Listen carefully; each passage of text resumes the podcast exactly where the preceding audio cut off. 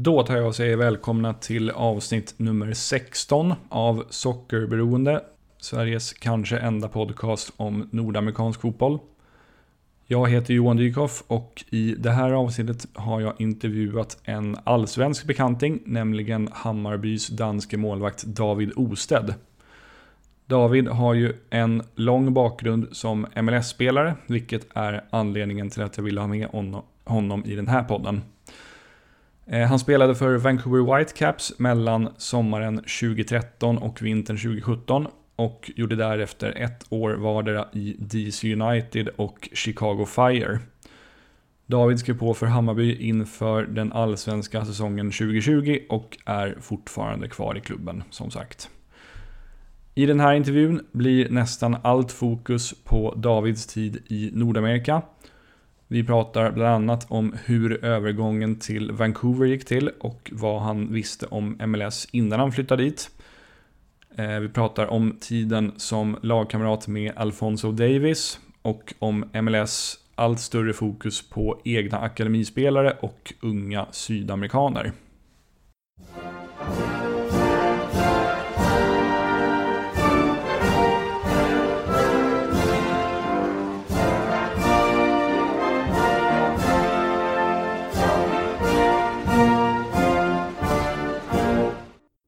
To start off, let's go back to the summer of 2013 when you signed for the Vancouver Whitecaps. Um, you had spent three seasons with uh, Randers before that, if I'm not mistaken. Um, so, how did the move to Vancouver come about? Yeah, uh, like you said, I, I spent uh, three years in Randers, and before that, um, I basically spent my, my whole career playing in Denmark. Um, was lucky enough to get uh, play to get to play in in, in the Danish Superliga early on. Um, but I kind of wanted to try something different, something more. Uh, and at the time, I had some interest uh, from some uh, some Dutch teams, um, but I kind of wanted to see what was what was outside of that as well. Um, and then at that time, Vancouver had a Norwegian goalkeeping coach called Marius Rovde. Mm. Um, who knew me uh, kind of uh, from the Danish Superliga and had spoken to, I know, uh, Ståle uh, at FCK and tried to get some some information about me. Um, and it ended up that they actually contacted me and, and seeing if I was able to um, or wanted to to come over uh, to, to MLS. Um, and f- first off, it was it was obviously a little scary, uh, other side of the world, and uh, far from everything a league I didn't know, but kind of the more I, I, I looked into it and the more I looked into the city as well, um, it, it, it kind of looked like something I really wanted to try. It was one part of it was the football of it, uh, coming over to play in, in, in the United States, and Canada, and in MLS. But also, I've always been a person that I want to, I want to try something different and something that's more than just football. Hmm. Um, mm. I wanted kind of to to see the the, the culture and, and everything around it. And and here vancouver was just looked like an amazing place. A lot of stuff to do and, and a lot of things to to see and, and and experience. Right. So the netherlands didn't feel different enough so to speak. No no i had an an an, uh, an opportunity. And obviously going down to play in in the Eredivisie down there would have would have been a, a great challenge i think for me and everything. But i kind of wanted more outside of football as well. Um, and and I was very drawn to to the culture and, and the experience of, of going to the other side of the world and seeing a whole new culture and a whole new way to play football as well. Mm. Um, and I I felt in Denmark that even though I've been successful, um, people had kind of make made up their mind about me, what I could do and what I couldn't do. Um, and it was hard to kind of break out of that that box that those preconceived notions of, of what I could do as a goalkeeper. So for me, it was also kind of a fresh start of getting over and, then trying to establish myself as a um, as as a goalkeeper and as as a player. Yeah, I see. Uh, you mentioned before that that you had played in Denmark your entire career up to that point, but uh, how close had you been to moving abroad previously before going to Vancouver? I had a bunch of different uh, kind of uh, moves that that got close but never really got uh, to there. I know there were some German teams who spent five or six games uh, watching me while I was at uh, Sønderjyske at the time. Mm. Um, I flew to Rome to uh, negotiate or meet with a with an Italian team at that time. They were at uh, they were in the um, in the Serie A um, and was excited, but um, I think it was a couple of months before we we would have put pen to paper and and and we were getting at the end of the season, and I think they fired uh, basically the whole club, which Oh. which was a little bit funny to me. That I think coaches and and the the GM uh, and everybody um, went out of there, so that kind of fell apart as well. Um, and and and then I w- my contract was coming up at Randers, uh, and I and I know they had they talked a lot to me about um, doing another three year contract, staying there. Um, and at the time, I, I had my first kid, so it was tempting to kind of take the safe the safe route and and um, and, and and settle in Denmark and kind of raise raise my my kids and, and all that. But like I said, I just had I had a a wanting kind of to get out and experience something else. And at the time, actually, I had uh, Colin Todd as a as a coach, Mm. and he had played in Vancouver. So I, I sat down with him and asked him about it, and he was very he was very honest with me and very frank, and said that he thought that was something I should do, something that I should should go and experience. Um, and I've always been very grateful to to Colin for for being honest with me at that point because he could have said um, no, stay here, uh, and he would have had a, his his starting goalkeeper for another couple of years. But he he was very honest with me and, and very frank of of I told him what I wanted to do, and and he was he was on board with that idea. Okay, I understand. Um, so, what did you know about uh, apart from what perhaps Colin had told you? Uh, but what what did you know about MLS, and what was your sort of conception of the league before actually moving there?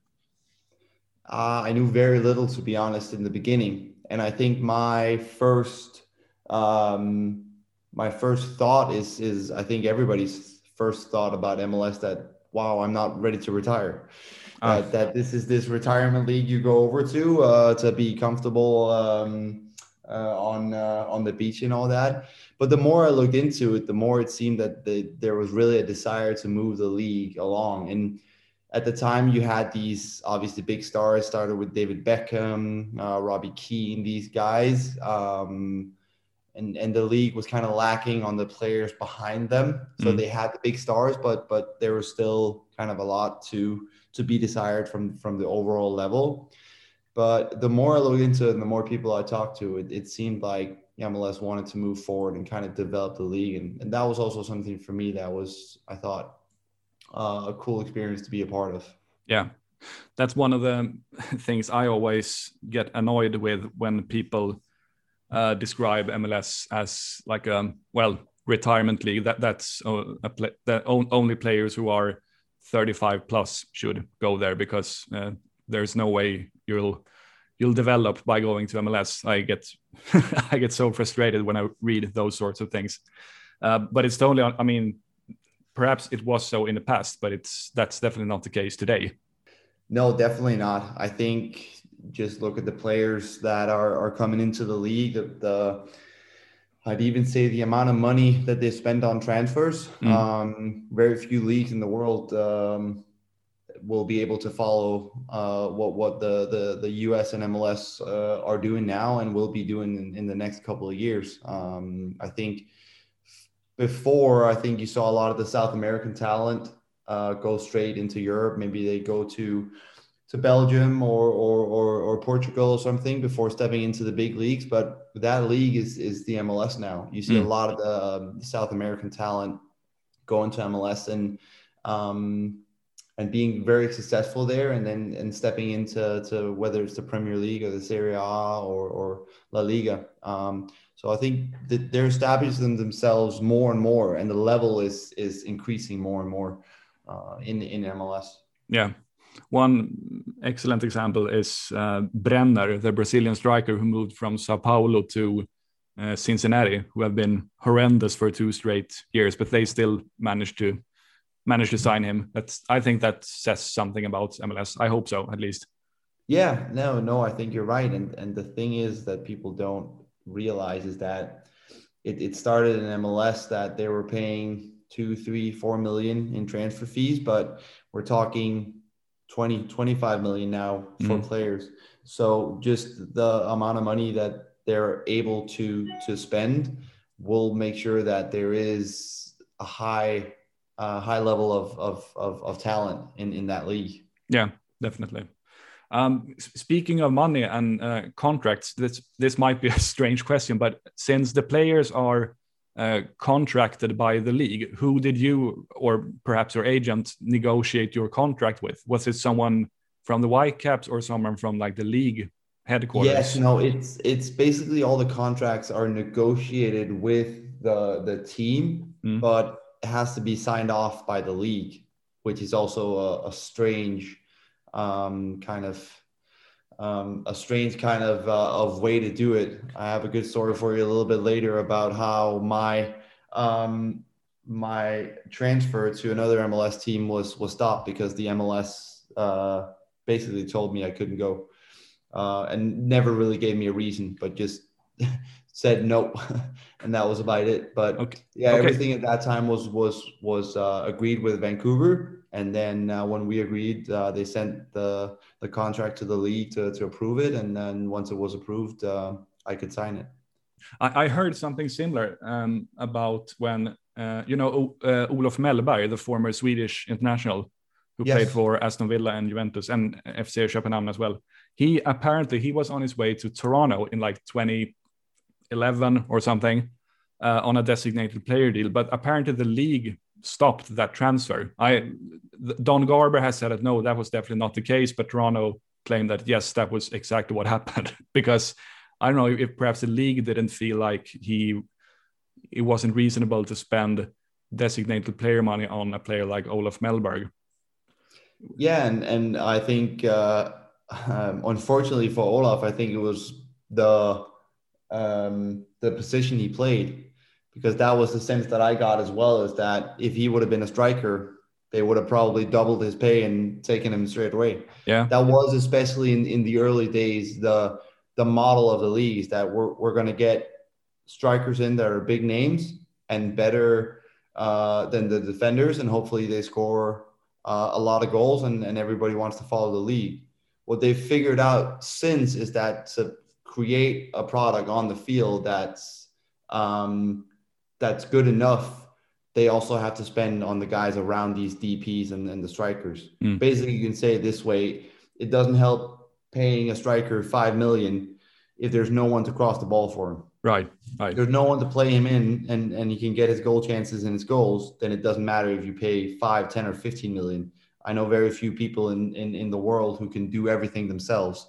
Um, so, and I think they found they found that out and have found that out now uh, and are spending a little bit different. But yeah, I, I would assume that uh, because of his uh, status as a defender, uh, that would that was hard to push through.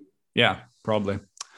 Um, so uh, when you arrived in Vancouver, how what were your, like your first impressions of of the club? It, it was honestly uh, amazing. Um, I think I spent when I landed, I spent the whole first day just walking around uh, the city. Um, I think I spent five and a half hours uh, hmm. one afternoon just walking around the city, seeing um, seeing the city. Anytime I walked somewhere, I would go get to a beach or a bottle of water, or could look over on kind of the North Shore Mountains and everything. And I was, yeah, I was very taken back of how the city was and how friendly people was as well.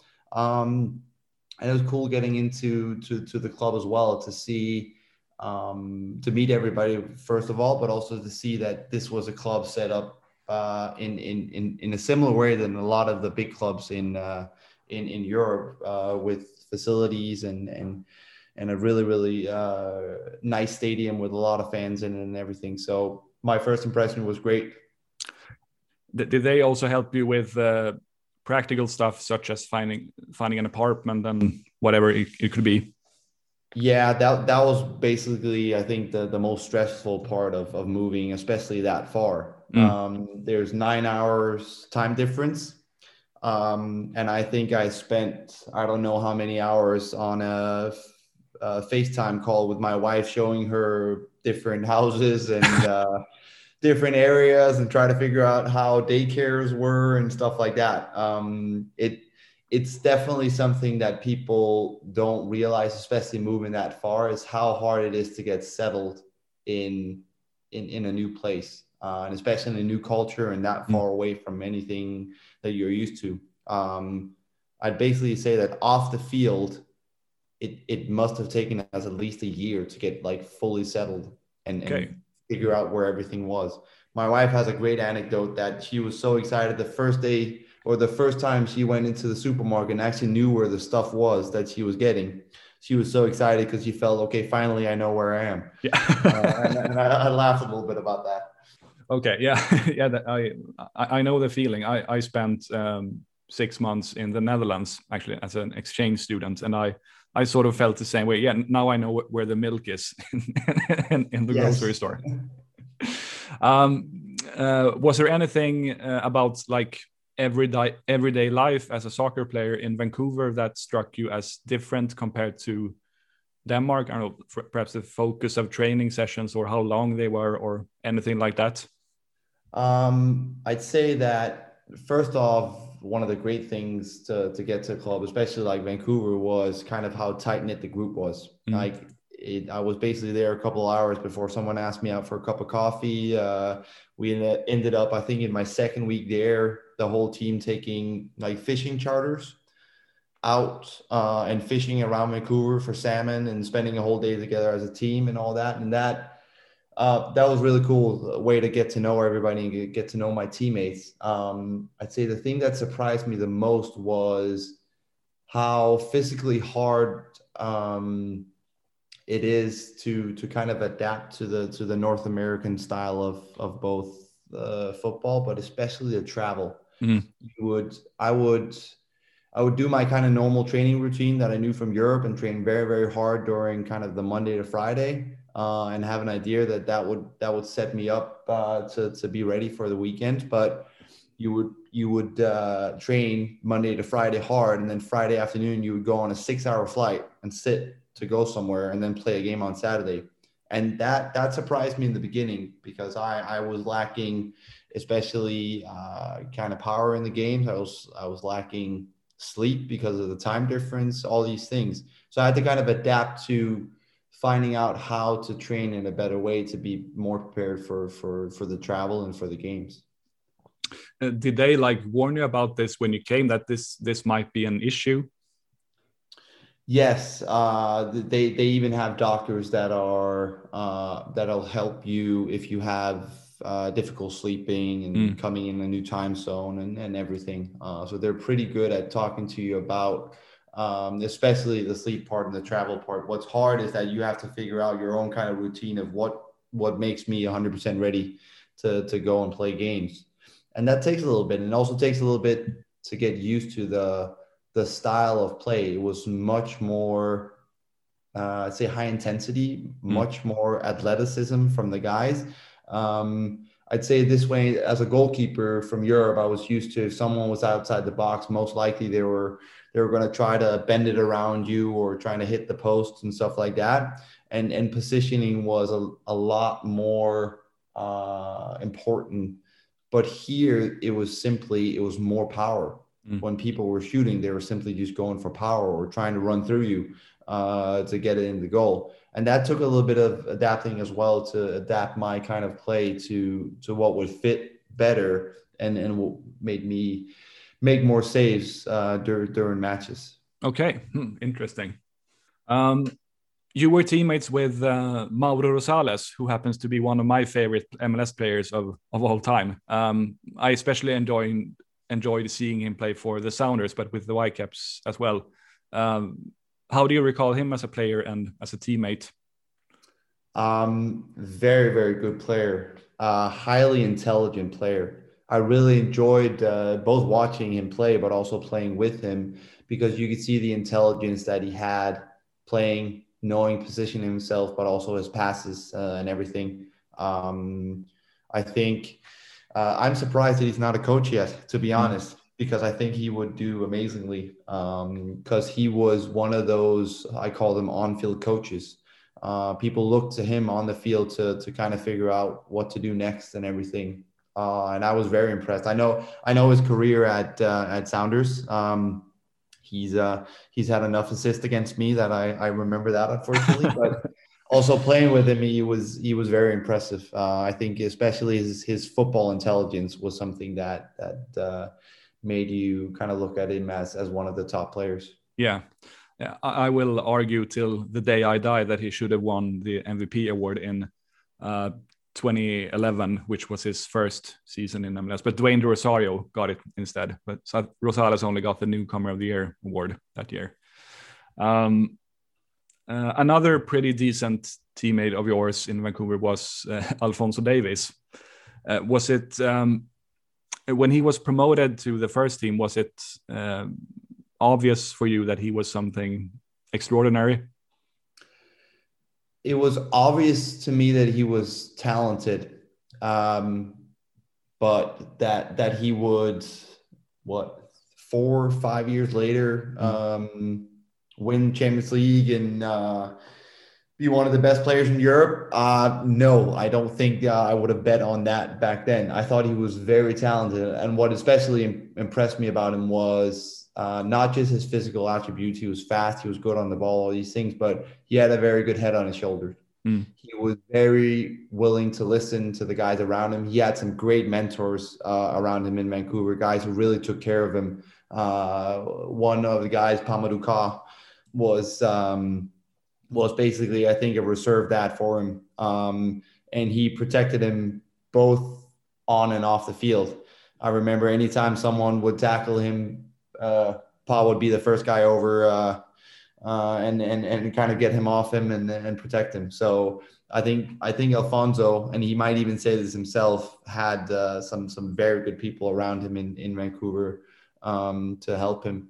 Uh, but I was impressed of how willing he was to learn. And then obviously his physical attributes. He he was a great dribbler. He was he was fast. Uh, he he picked up everything very fast. Mm. Basically within the first little period he was with the first team, you could see already that he was he was learning at a at a at a much faster rate than I think uh, a lot of other youngsters were. Yeah, I think it, it's so fascinating to uh, to sort of uh, think about what, what what makes some players succeed and others don't. Because if you look at, for instance, uh, former under 17 rosters in in, in the under 17 uh, World Cup, there are very there are I would say even most of the players don't make that level as senior players. Like if you watch, if you look at the starting 11s in a under 17 World Cup final, there are often a lot of players that you've never heard of, even like some of them aren't even playing soccer anymore,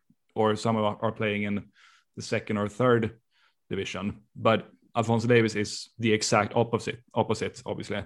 Yeah, and I and I think it's it's down to the kind of age long discussion of is it talent or is it mentality? And I'm a big believer in mentality. Mm-hmm. Um, yes, you can have a God given talent, but if you don't have the the work ethic and the mentality of, of going and nurturing that and, and, and working hard to, to become better, then then your talent isn't going to bring you far. And and I I think you could see that that Alfonso Davies was was very talented, but I I think he worked his way to where he is now. Nothing, nothing was given to him. He mm. he worked hard for it, uh, and then luckily he had the talent uh, to to match his his his ability to work. So um, I I'm not surprised w- that he is where he is when you when you see him now and see the the mentality he has to work. But yeah, back when he first uh, came up, uh, he was still a, a sweet little 16 year old boy who uh, who who, who had to get used to uh, to senior football, but he he got used to it very very fast. Yeah, one player who comes to mind um, as one of those wonder kids is obviously Freddie Adu, who uh, got his breakthrough at what 14, 15, but who recently did, uh, was cut from a Swedish third division club. Um, I would suppose I would guess that he he probably hasn't had the best mentality um, throughout his career, and well, obviously still still doesn't because uh, the club didn't. Uh, they thought he he lacked the physical and mental ability to play even in the third division in Sweden, which is remarkable. Thinking uh, when you think about how highly he was rated 15 years ago. But I think that's why you also see some of these when when someone pops up and people are saying, "Well, where did he come from? Mm. We, we, didn't recognize him, or we didn't uh, know he was there." No, but this is just one of those young kids who um, who decided that he was going to work for it. He was probably never the most talented, or he there was people in front of him that everybody thought was better, but if you have a mentality that this is what you want to do and you want to work for it, you see, especially from like the age of 14, 15, 16, a lot of the the the kids who are told that they're not the biggest talent but have the mentality to work for it, those are the guys who come through and actually have a career and and, and will make it. The Gustav Ludwig Ludwigsons of the world, for instance. Yes, yes, yeah. He's a perfect example of someone who who works extremely hard every day uh, and and and earns every every every success that he has. Mm. Um, I have to ask you about one one other former teammate of yours uh, who spent uh, a short time at Hammarby. Gershon Koffie, uh, the Ghanaian midfielder who was at Hammarby for a year and a half, but he it was everything around his time in Hammarby was so strange. But I, I remember him as being uh, better than average center mid in MLS, but he he he just things just didn't work at all for him at Hammarby, and now he's then he went to Kuwait and then Israel, and now he's back in the US, I think. Uh, how do you recall him as a as a player?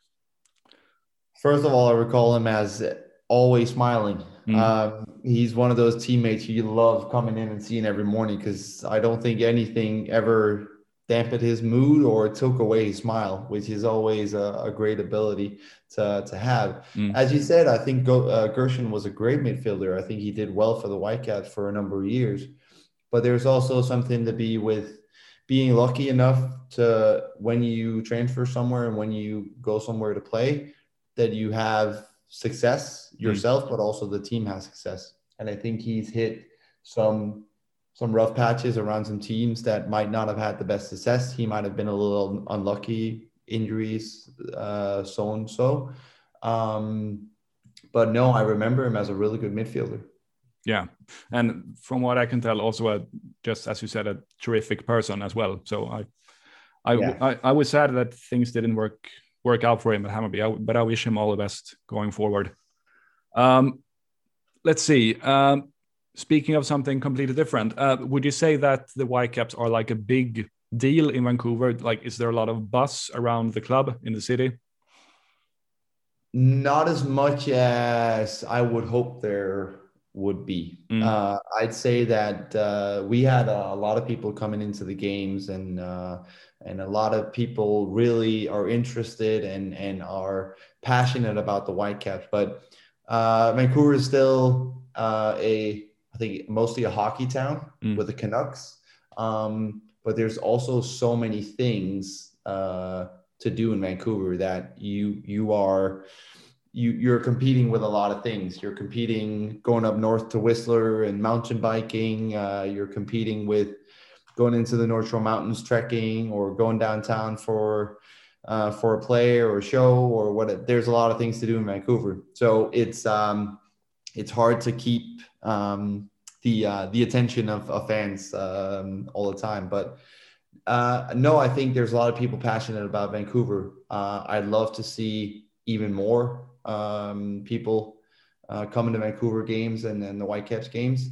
Um, but it also thinks think that it, it needs to once Vancouver has winning teams, people always come out and show up. It's the same with the Canucks when they made it to the Stanley Cup. Um, there actually ended up being riots when they lost. Uh, so there's definitely passion in the city. Yeah. Um, and the, the, times that we made it to to the semifinals uh, in the conference, um, yeah, we filled the stadium and people were there was a buzz about the the Whitecaps. So I'd say there's there's definitely a lot of people passionate about the Whitecaps. Um, I'm hoping that they get back to to winning ways and getting into conference semifinal, finals, MLS Cups, uh, all these things. So so people can really see what what Vancouver uh, kind of stands for. Yeah.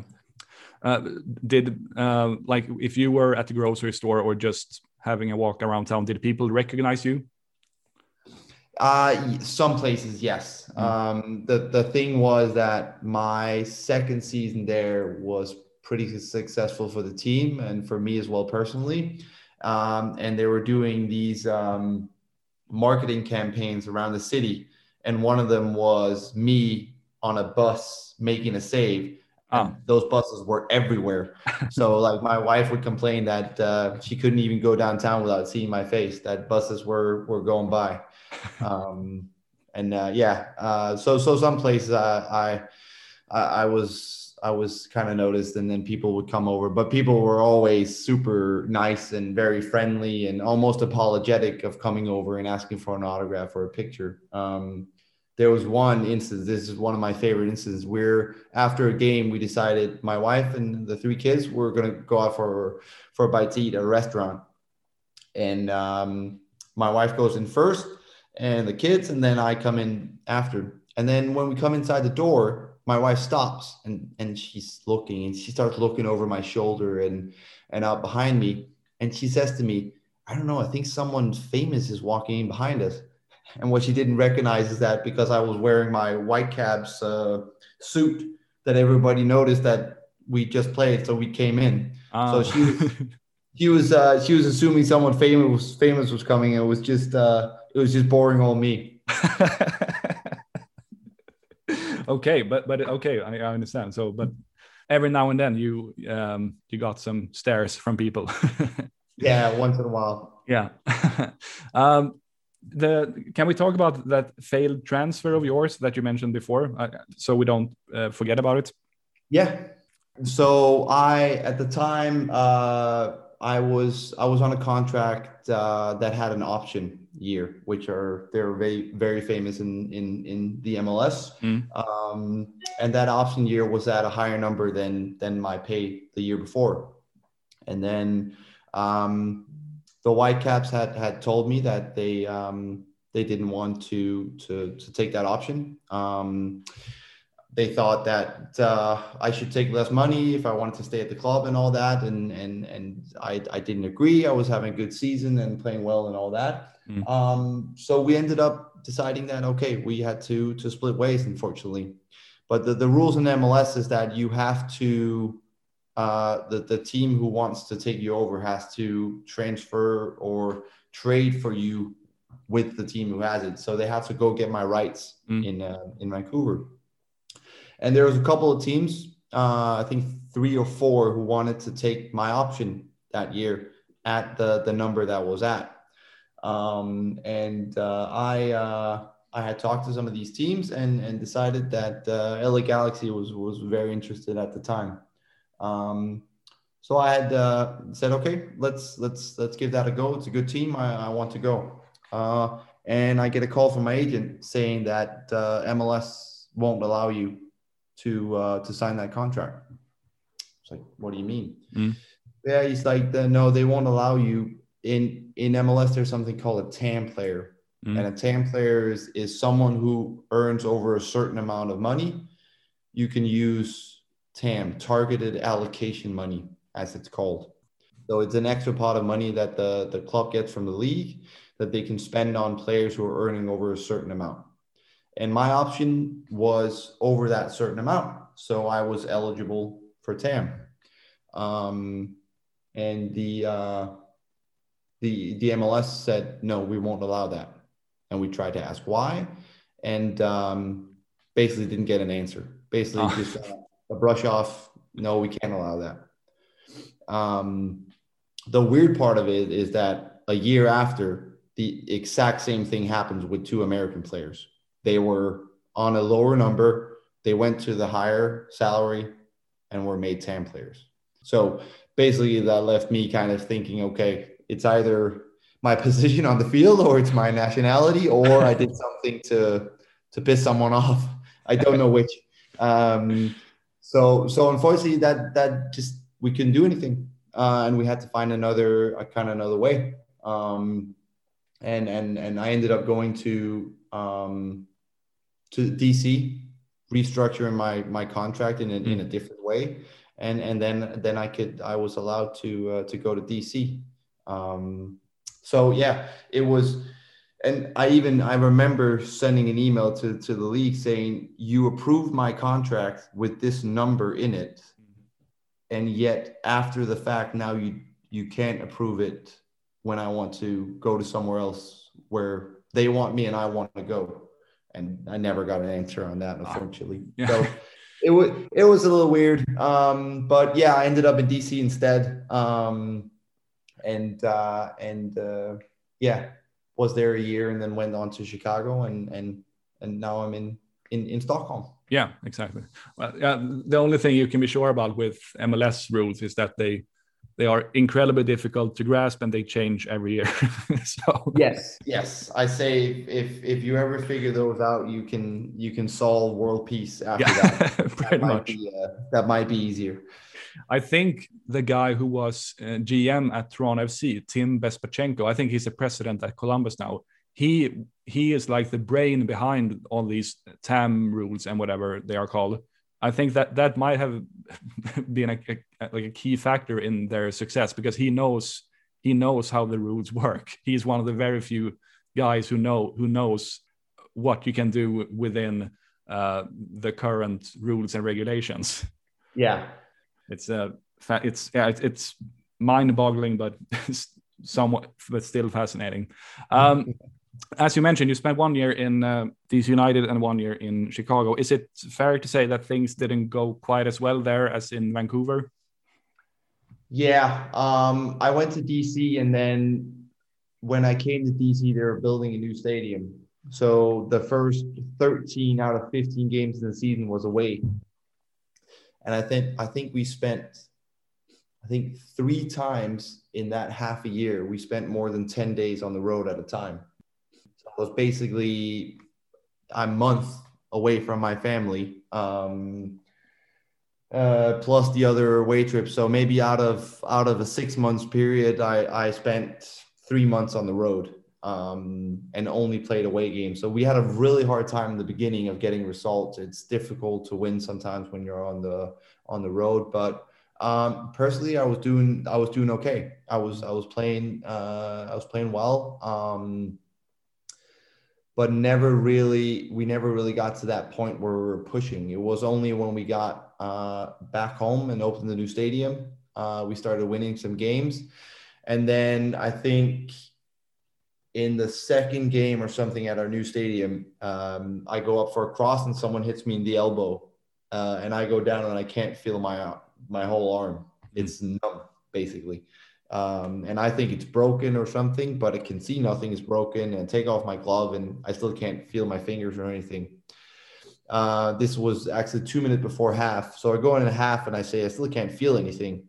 Um, started to get a little bit of feeling back. Played the second half and went in for checkup and then was told that I had nerve damage in my elbow and that um, basically it was how much pain I could take.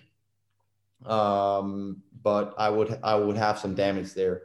Uh, and I kind of chose to be okay. I'll I'll I'll take it. I'll take the pain and then I'll, I'll keep playing. Um, but then I, I think I played two more games and then the club decided to go and get their old goalkeeper back, who was right, actually Bill, Bill Hamid, yeah, Bill.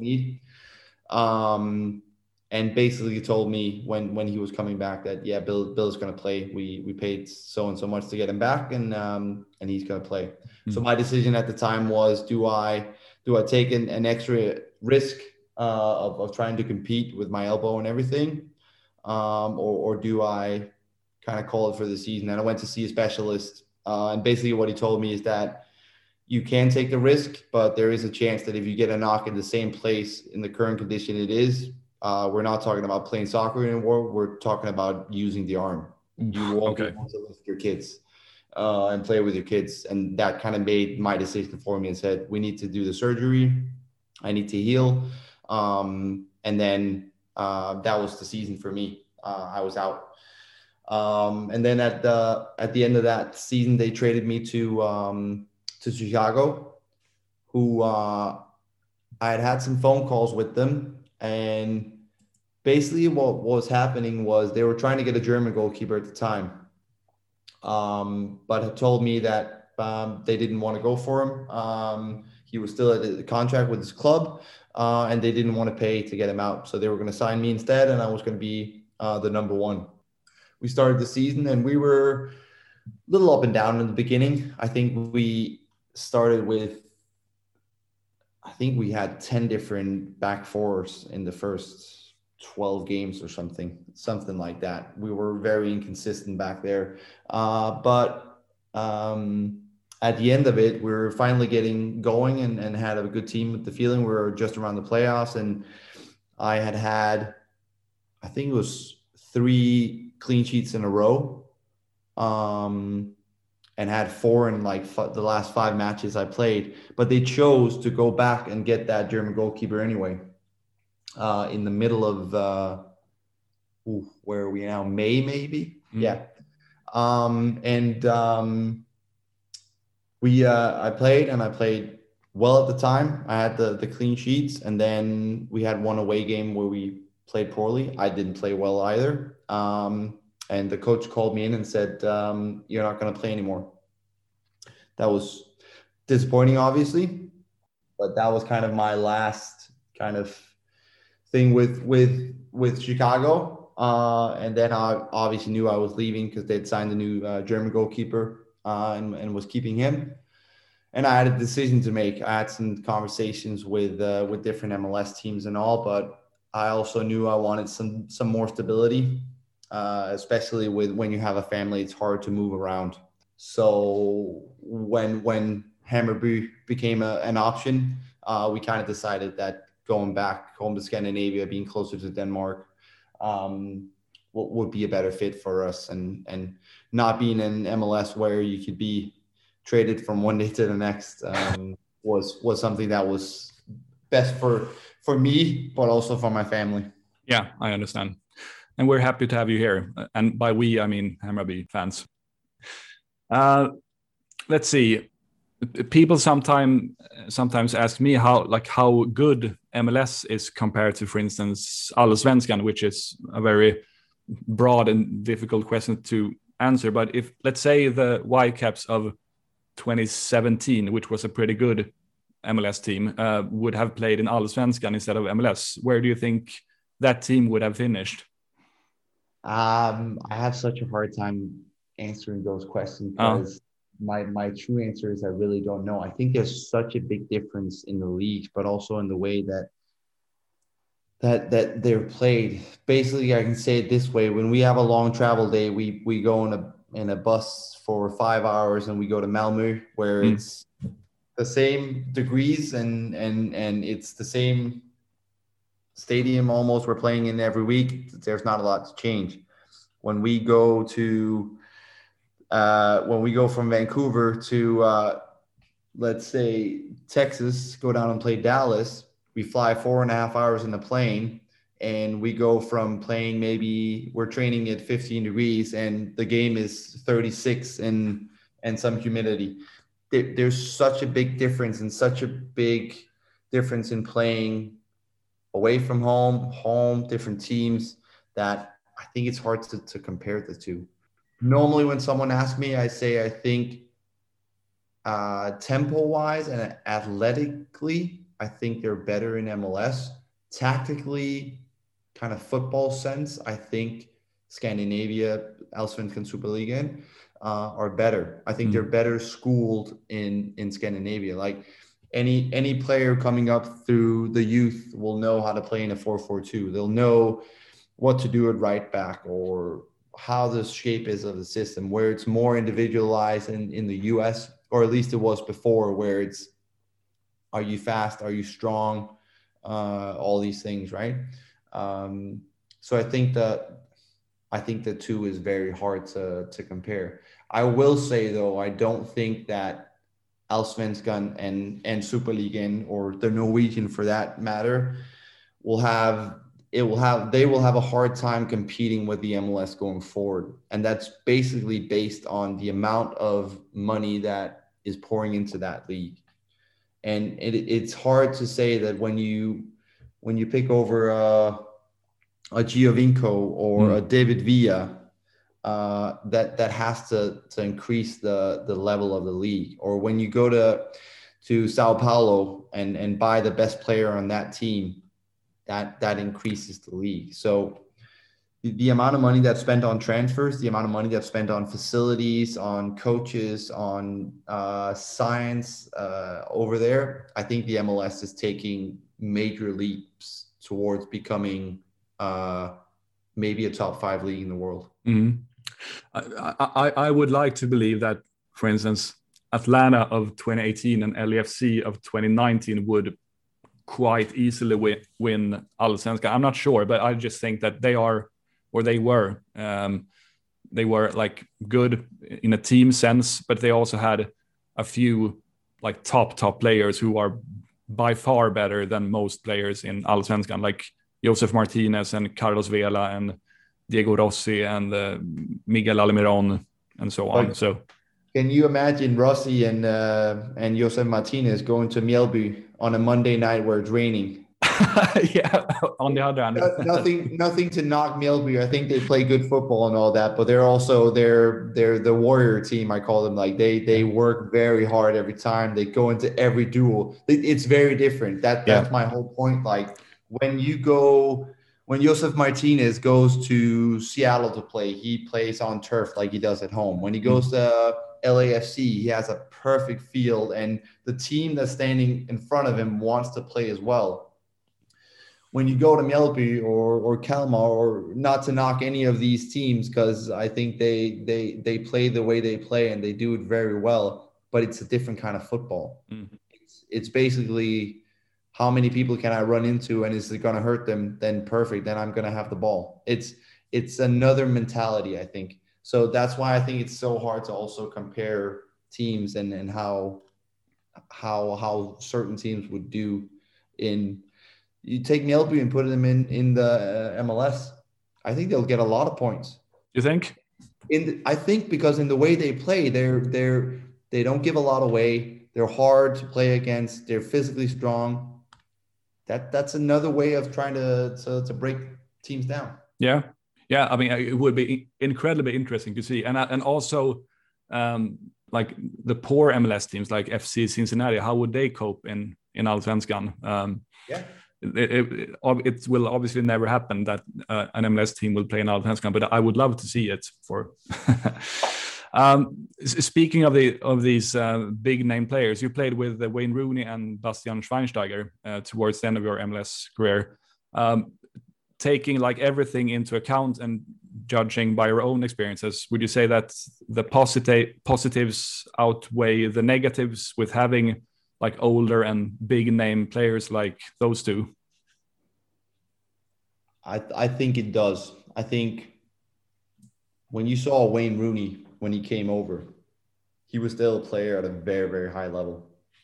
He was, um, I was very impressed with him also because he, was very humble when he came over. He was very much wanting to be a leader on the team from day one. Um, and, and, and he had a, a very good uh, kind of mentality of, of, of working hard and, and all these things. So I think when you take these I know people call them all stars and they're expecting them to go over there to to retire, but it's very hard. You can't tell me that a Wayne Rooney or uh, David Villa or Bastian Schweinsteiger isn't going to improve uh, a league uh, if they go. You can say it this way: if I think if any Allsvenskan team would have the chance to sign any of those three I just mentioned, they would basically sell whatever they could sell to to afford to to get them over. Yeah, and definitely. It, and it would improve the league tremendously. Also, in a sense that there's more people noticing the league. That's obviously also a, a big factor of, of why they, they're they're coming over.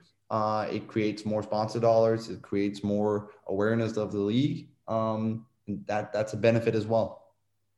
Definitely, yeah. I think the the, the ones you mentioned are uh, clear cases like Rooney and David Villa. Then there are the ones who uh, weren't as much so. Like I don't know, Pirlo, for instance, was he?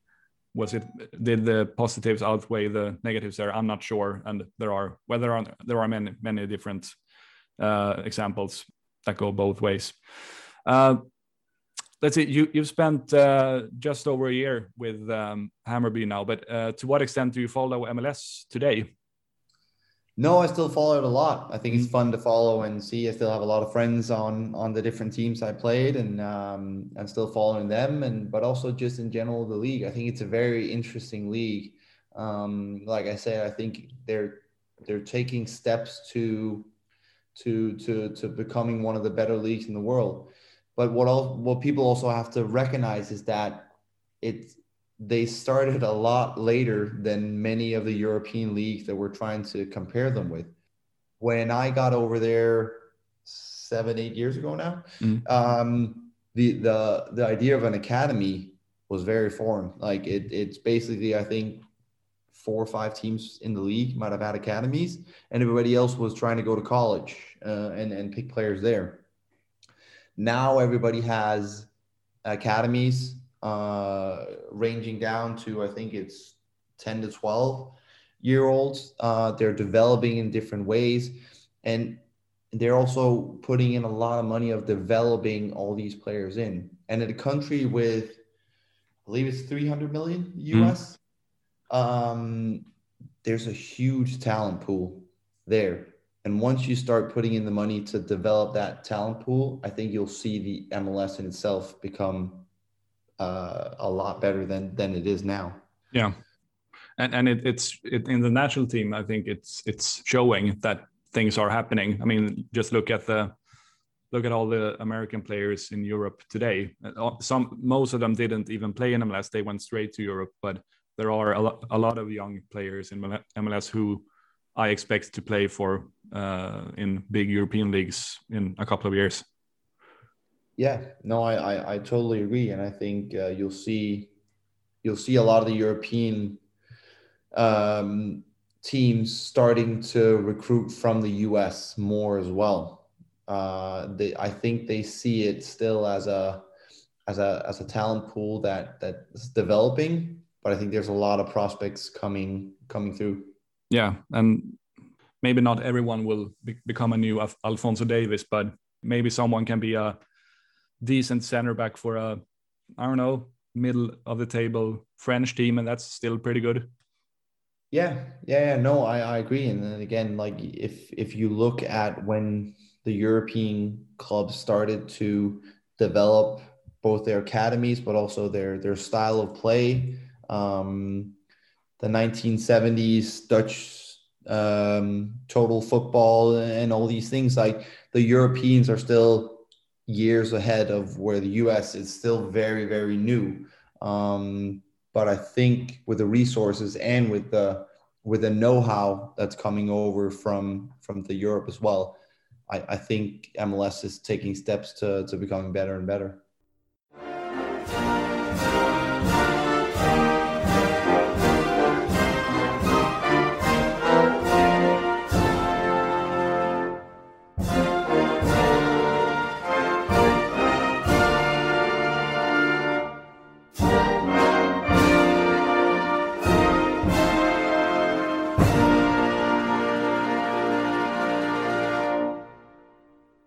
Sådär ja, då tar vi och tackar David Osted för att han tog sig tid att ställa upp på den här intervjun och vi önskar honom givetvis all lycka framöver. Inte minst eftersom han spelar i Hammarby. Eh, han var grymt trevlig att snacka med måste jag säga och dessutom väldigt eh, kunnig och initierad kring MLS. Så det här avsnittet blev riktigt jäkla bra tycker jag.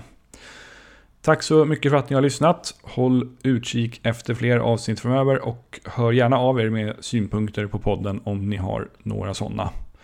Ha det så bra så länge. Tja tja!